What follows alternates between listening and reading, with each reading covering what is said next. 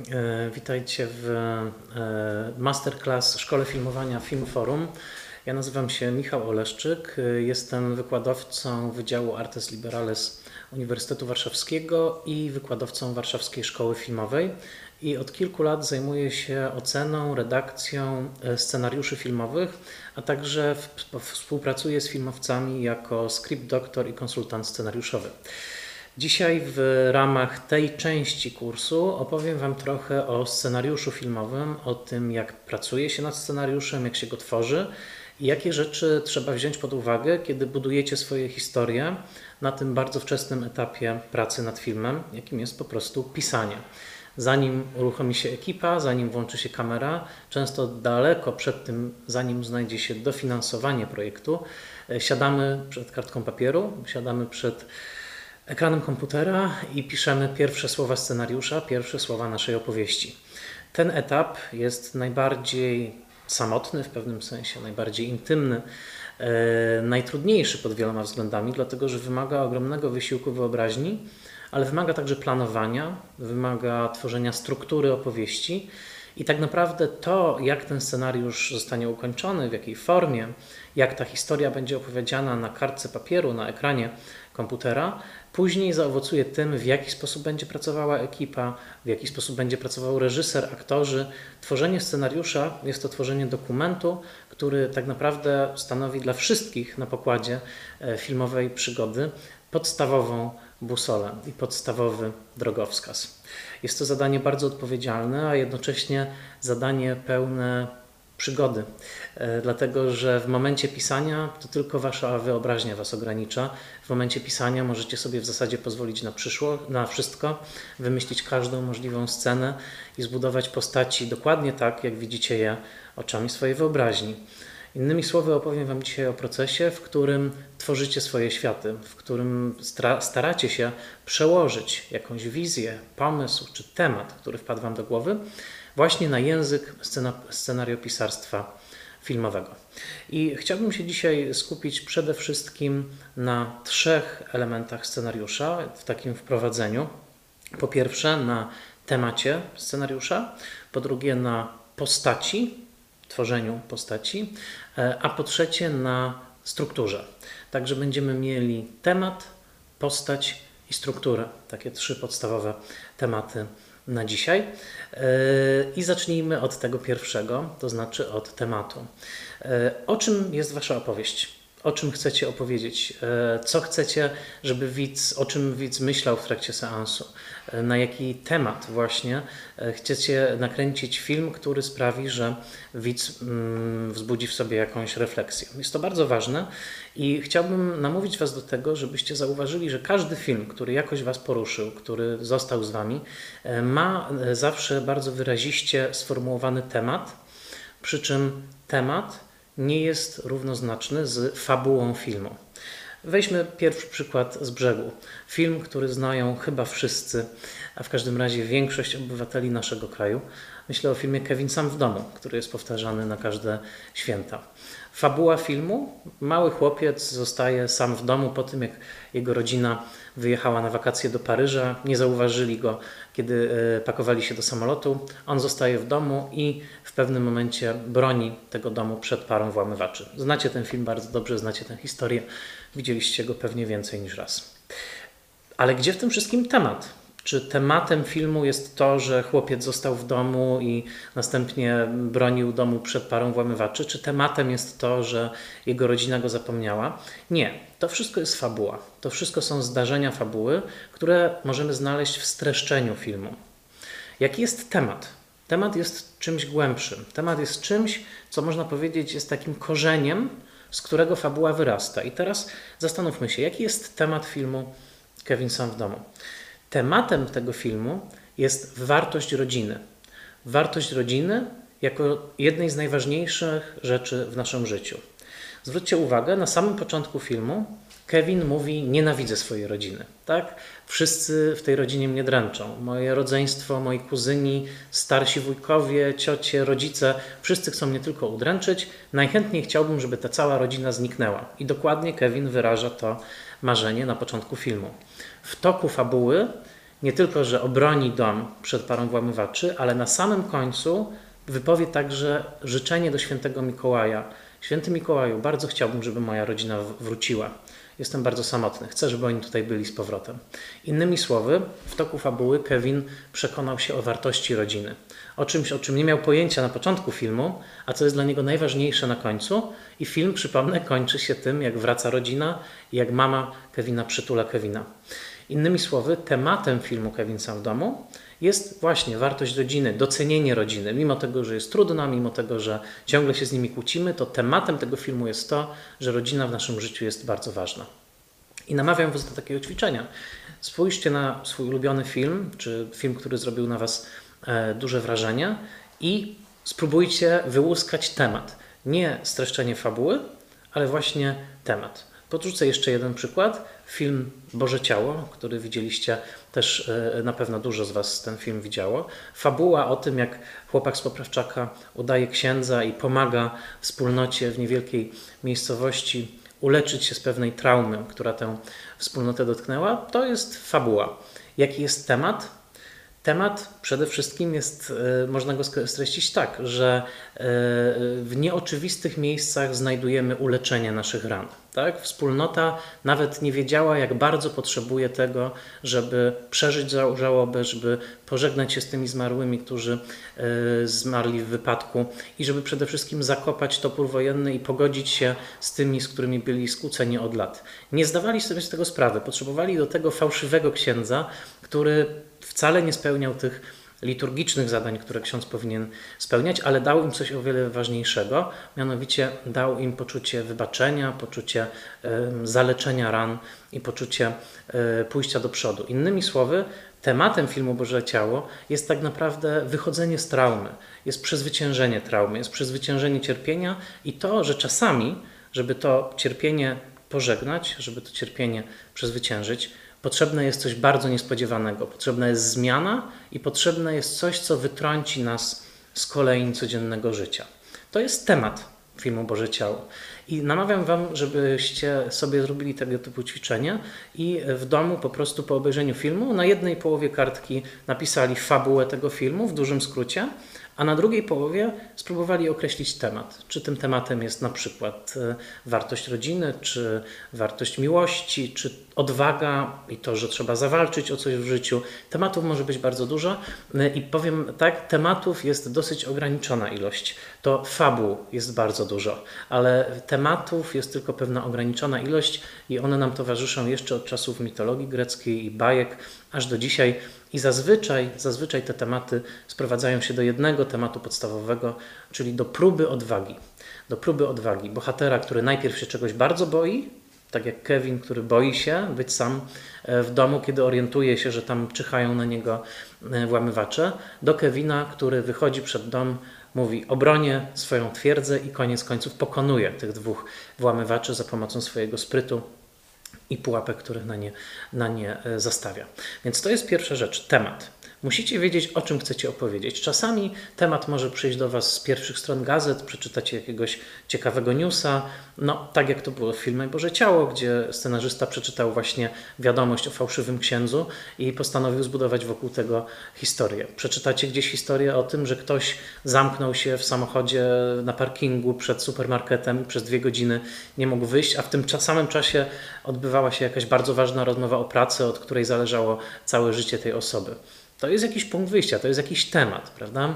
Osoba, która nie może dotrzeć tam, dokąd chce dotrzeć. To jest temat, który nam towarzyszy co najmniej od czasów Odysei Homera. Więc zastanówcie się nad tym, jaki jest e, wasz temat, o czym najbardziej chcecie opowiedzieć. To jest pierwszy etap do tworzenia jakiegokolwiek scenariusza, znalezienie swojego tematu.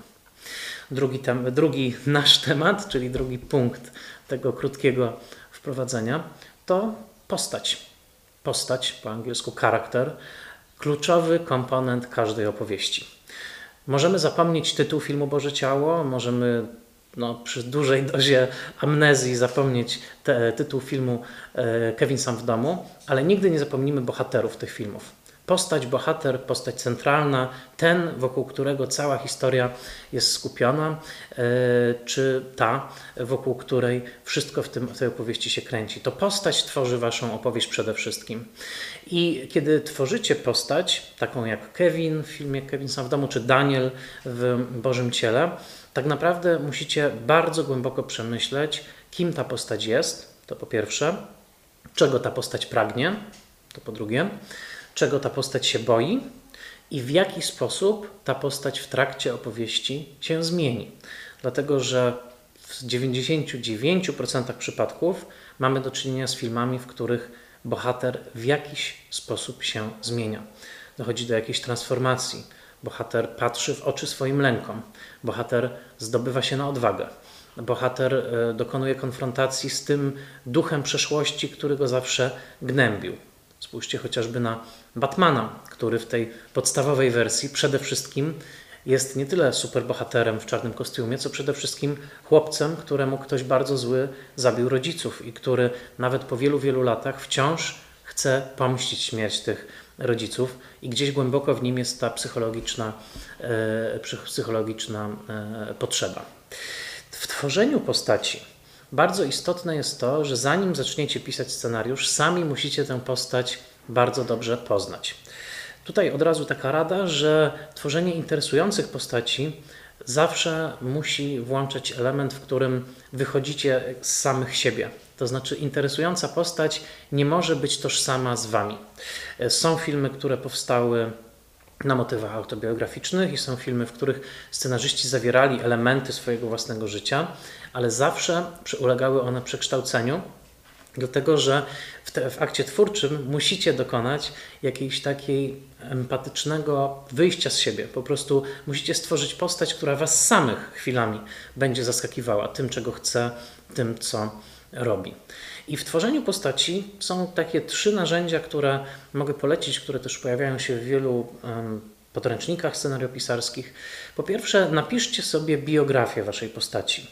Nawet jeżeli wasz film skupi się na trzech dniach z życia waszej postaci, albo na paru tygodniach, albo na tygodniu, tak jak mniej więcej to ma miejsce w Kevinie samym w domu, gdzie to jest tak naprawdę kilka dni akcji, tak naprawdę powinniście, zanim przystąpicie do pisania, napisać sobie całą biografię tej postaci.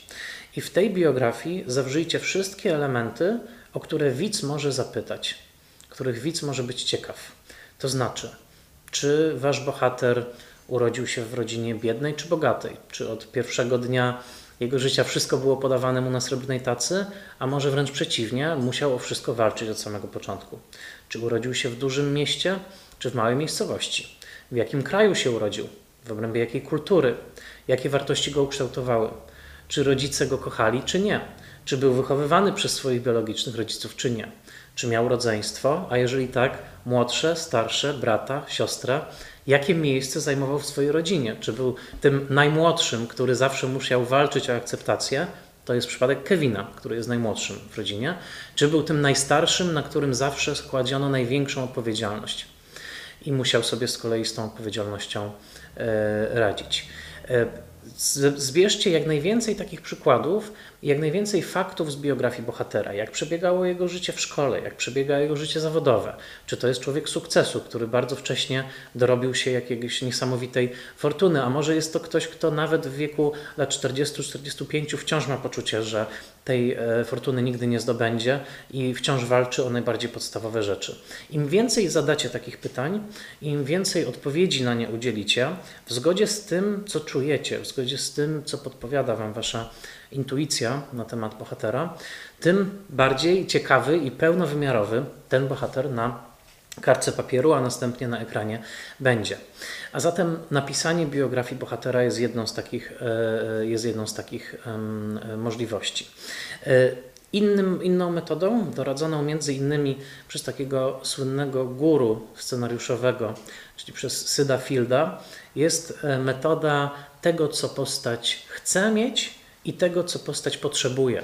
Innymi słowy, to jest słynne roz, rozdzielenie na dwa elementy want, po angielsku chcieć, i need, po angielsku potrzebować. Czyli różnica pomiędzy tym, gdzie leży want postaci, a gdzie leży need postaci, gdzie leży właśnie życzenie i gdzie leży potrzeba, jest świetnym narzędziem, które pomoże Wam w skonstruowaniu postaci. W pierwszym momencie może wydawać się, że te dwie rzeczy są identyczne. No, chcę dokładnie tego, czego potrzebuję, prawda? Czuję, że czegoś potrzebuję, więc tego chcę. Otóż zazwyczaj jest dokładnie na odwrót. Zazwyczaj to, czego chcemy i to, czego potrzebujemy, jest odległe od siebie. A szczególnie jest to odległe od siebie w bohaterach filmowych. Zobaczcie, wróćmy do naszego Kevina. Kevin chce, żeby jego rodzina zniknęła. To jest wprost wyraża, że tego chce na początku filmu i on tego naprawdę chce. Czego Kevin tak naprawdę potrzebuje? Kevin potrzebuje akceptacji ze strony swojej rodziny.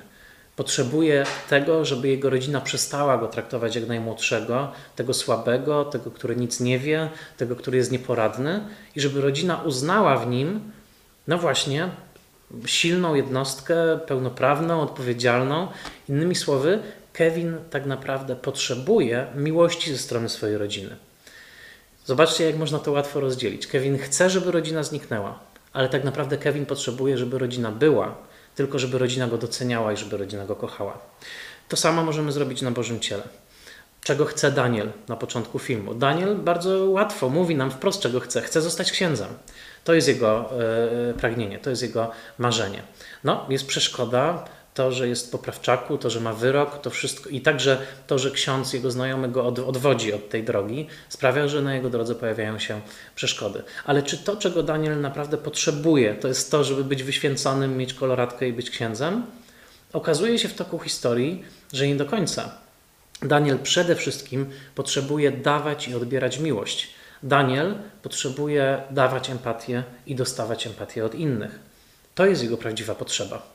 W pierwszej scenie filmu nie podejrzewalibyśmy tego. Widzimy Daniela w momencie, kiedy w brutalny sposób pomaga w ataku na jednego z e, uczniów e, w poprawczaku i tak naprawdę jest takim prowodyrem bardzo brutalnej zemsty. Widzimy go w momencie dużej brutalności. W trakcie filmu dowiadujemy się tego, jak bardzo Daniel jest samotny, jak bardzo potrzebuje właśnie tego kontaktu z innymi i jak ten kontakt ze wspólnotą małego miasteczka otwiera go na, na zupełnie nowe potrzeby, na zupełnie nowe doznania. Więc znowu, rozdzielenie pomiędzy tym, czego postać chce i tym, czego postać tak naprawdę potrzebuje, jest bardzo istotne.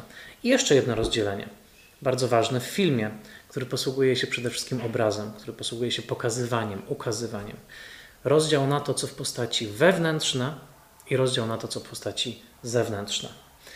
Te dwie rzeczy także są bardzo różne i to udajcie się do własnego swojego doświadczenia.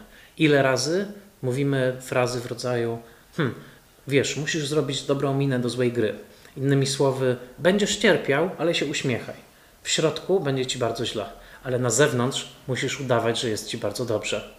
I teraz film ze swojej natury pokazuje to, co jest na zewnątrz, prawda? Jeżeli ktoś się będzie uśmiechał, to będziemy widzieli, że ta postać się uśmiecha. Natomiast zadaniem scenarzysty jest to, żeby stworzyć na tyle interesujące, zróżnicowane sytuacje, które są możliwe do zaobserwowania, żeby widz po iluś scenach widział różnicę pomiędzy tym, co dzieje się w środku bohatera, a co dzieje się na zewnątrz bohaterze. Dam Wam jeszcze jeden przykład. Słynny film, komedia, która dostała 10 nominacji do Oscara, film Tutsi Sydneya Polaka.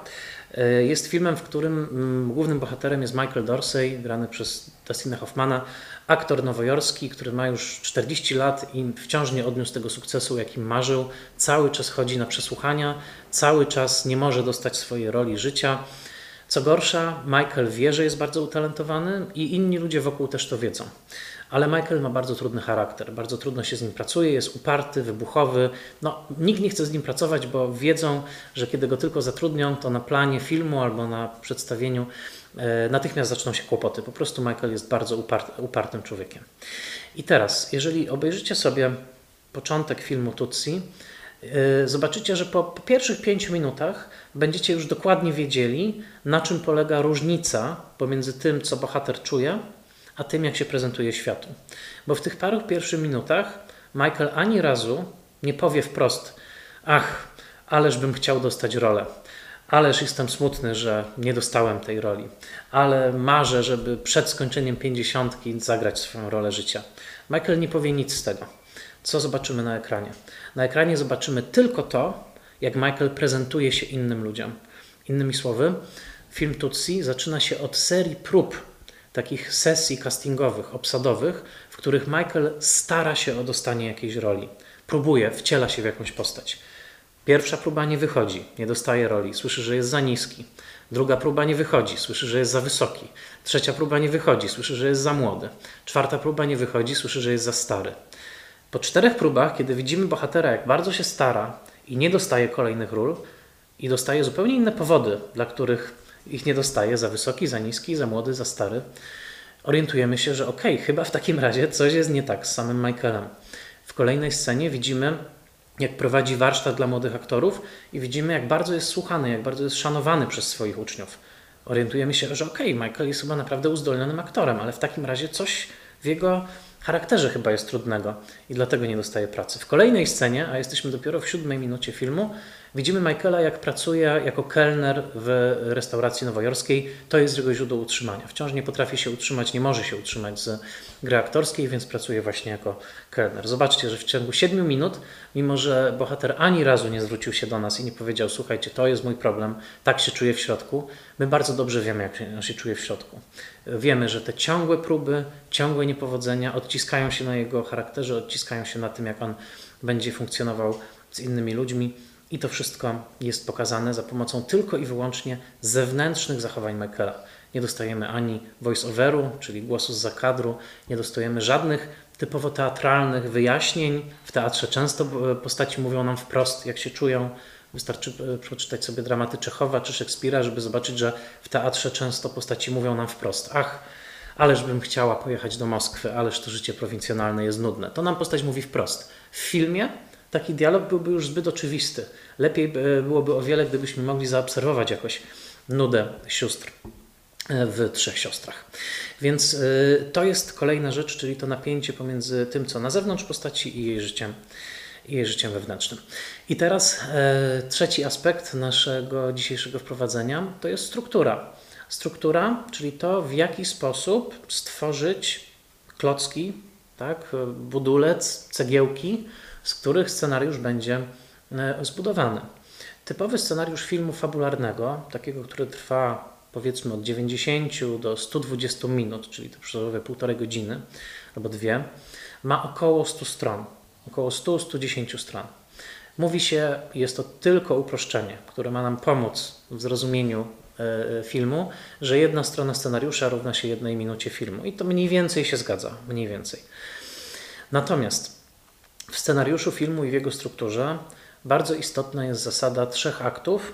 E, w tym sensie scenariusz się różni od wielu sztuk teatralnych, które są budowane na zasadzie pięcioaktowej. Na przykład sztuki Szekspira mają po pięć aktów, prawda?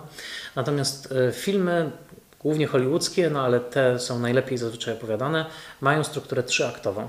I ten sam Sid Field, o którym wspomniałem, ten sam scenariuszowy guru, autor słynnej książki Scenariusz z roku 79, która miała od tego czasu tysiące wydań, mówi o strukturze trzyaktowej i wskazuje wprost, mniej więcej, oczywiście tylko umownie, gdzie e, zaczyna się akt pierwszy, kończy, gdzie zaczyna się akt drugi, gdzie się kończy, w scenariuszu, który ma tych przysłowiowych 120 e, stron. Otóż wedle Fielda ten podział wygląda mniej więcej tak. Pierwszy akt to jest 30 stron, drugi akt jest najdłuższy, ma około 60 stron, a trzeci akt ma znowu 30. I w ten sposób jest mniej więcej te 120 stron. Pomiędzy aktami, pomiędzy aktem pierwszym i aktem drugim, i pomiędzy drugim i trzecim, następuje coś, co Field nazywa plot point, czyli dosłownie punkt fabuły, mm, i my to nazwiemy zwrotem akcji. E, spójrzmy znowu na Kevina. E, to jest film, który wszyscy znamy. E, jak to by się tutaj układało? Pierwszy akt, drugi akt, trzeci akt i dwa plot pointy, czyli właśnie zwroty akcji, które sprawiają, że no właśnie film przyjmuje nowy kierunek, którego wcześniej się nie spodziewaliśmy. W przypadku Kevina cały pierwszy akt to jest przygotowanie sytuacji, w której Kevin zostanie sam w domu. Czyli mamy tam przedstawienie wszystkich postaci z rodziny, mamy przedstawienie postaci Kevina, mamy przedstawienie włamywacza, który przebiera się za policjanta i e, patroluje domy, żeby zobaczyć, które domy w okresie Bożego Narodzenia będzie łatwo, e, łatwo zrabować. Mamy tam postać tajemniczego sąsiada, mordercy z szuflą, który koniec końców okaże się dobrą postacią, ale na tym etapie wydaje się potworem. Mamy tam te wszystkie wątki podstawowe są ustanowione i to jest tak zwana ekspozycja akt pierwszy. Pierwszy punkt zwrotny filmu to jest oczywiście moment, w którym rodzice zostawiają Kevina samego, a właściwie to jest moment, w którym Kevin orientuje się, że został sam. To jest punkt zwrotny filmu. Jeżeli pamiętacie, on jest mniej więcej w 20 minucie Kevina, kiedy Kevin błąka się po domu, woła rodzinę, słuchajcie, gdzie jesteście, gdzie zniknęliście. Nagle no, cisza. On siada przy stole, kuchennym, tak kombinuje, patrzy, myśli, przypomina sobie te wszystkie straszne rzeczy, które rodzice mu powiedzieli i rodzeństwo i mówi: Hmm, sprawiłem, że moja rodzina zniknęła.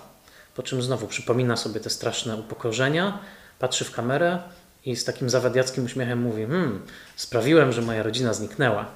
I wiemy w tym momencie, że zaczyna się nowy etap tej historii, w którym Kevin będzie zachwycony tym, że jest sam w domu. Skacze po domu, dobiera się do skrzyni swojego brata, je nieskończone ilości lodów, chodzi sobie na zakupy.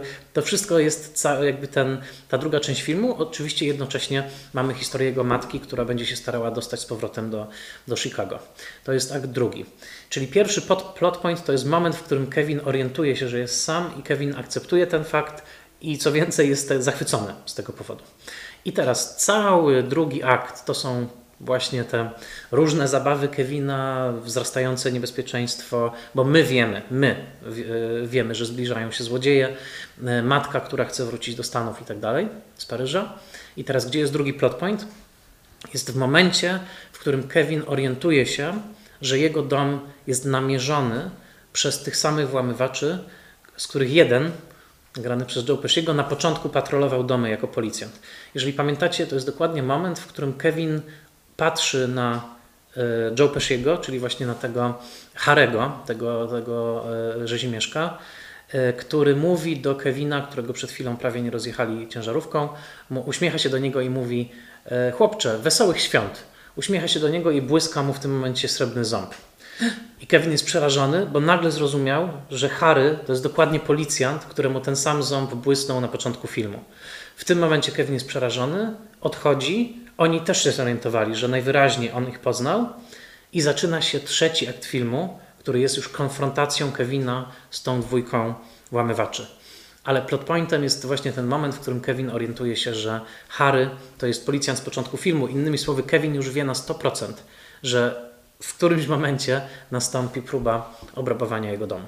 No i oczywiście trzeci akt przynosi rozwiązanie, czyli po pierwsze obronę domu, a po drugie e, rodzina wraca i Kevin jest z tego powodu szczęśliwy i e, dochodzi do wniosku, że jednak rodzina jest czymś, e, czymś dobrym.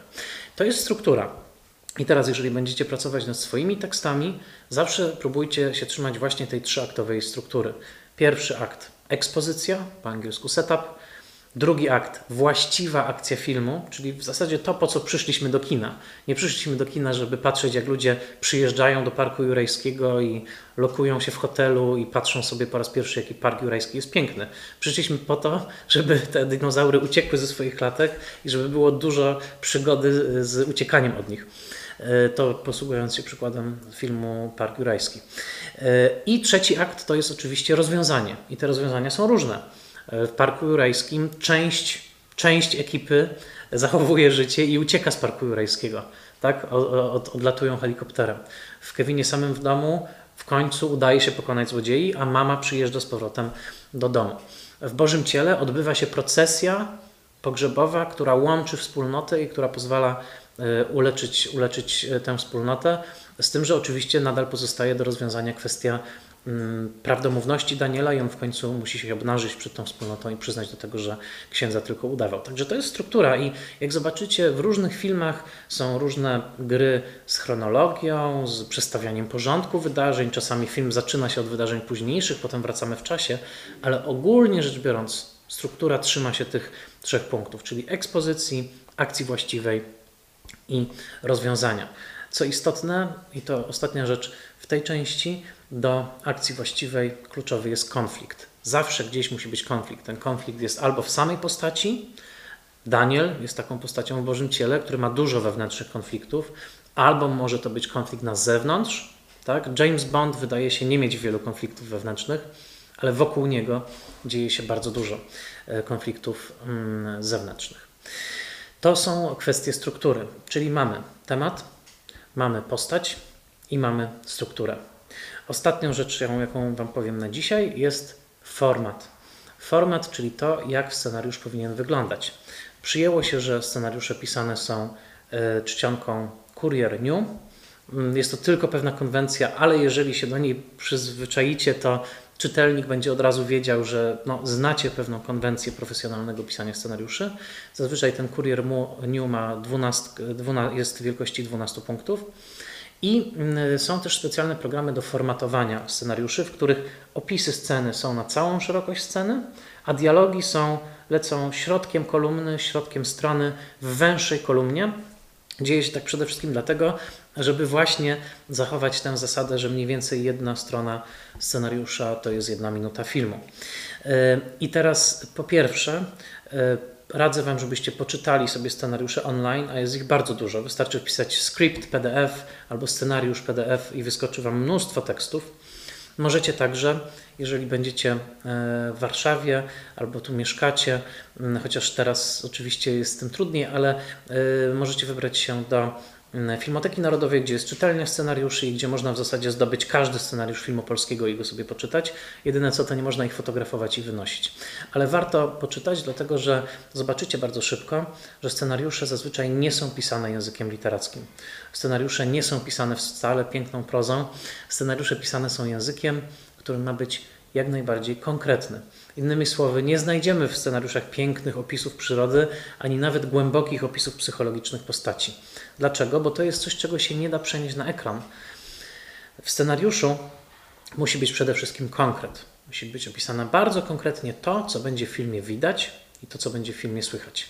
Czyli kiedy zaczynacie opisywać scenę, to najpierw oczywiście musicie umieścić rzeczy podstawowe, czyli to, czy jest to scena we wnętrzu, czy w plenerze, to jest pierwsza informacja. Po drugie, gdzie się ta scena rozgrywa, na przykład w szkole.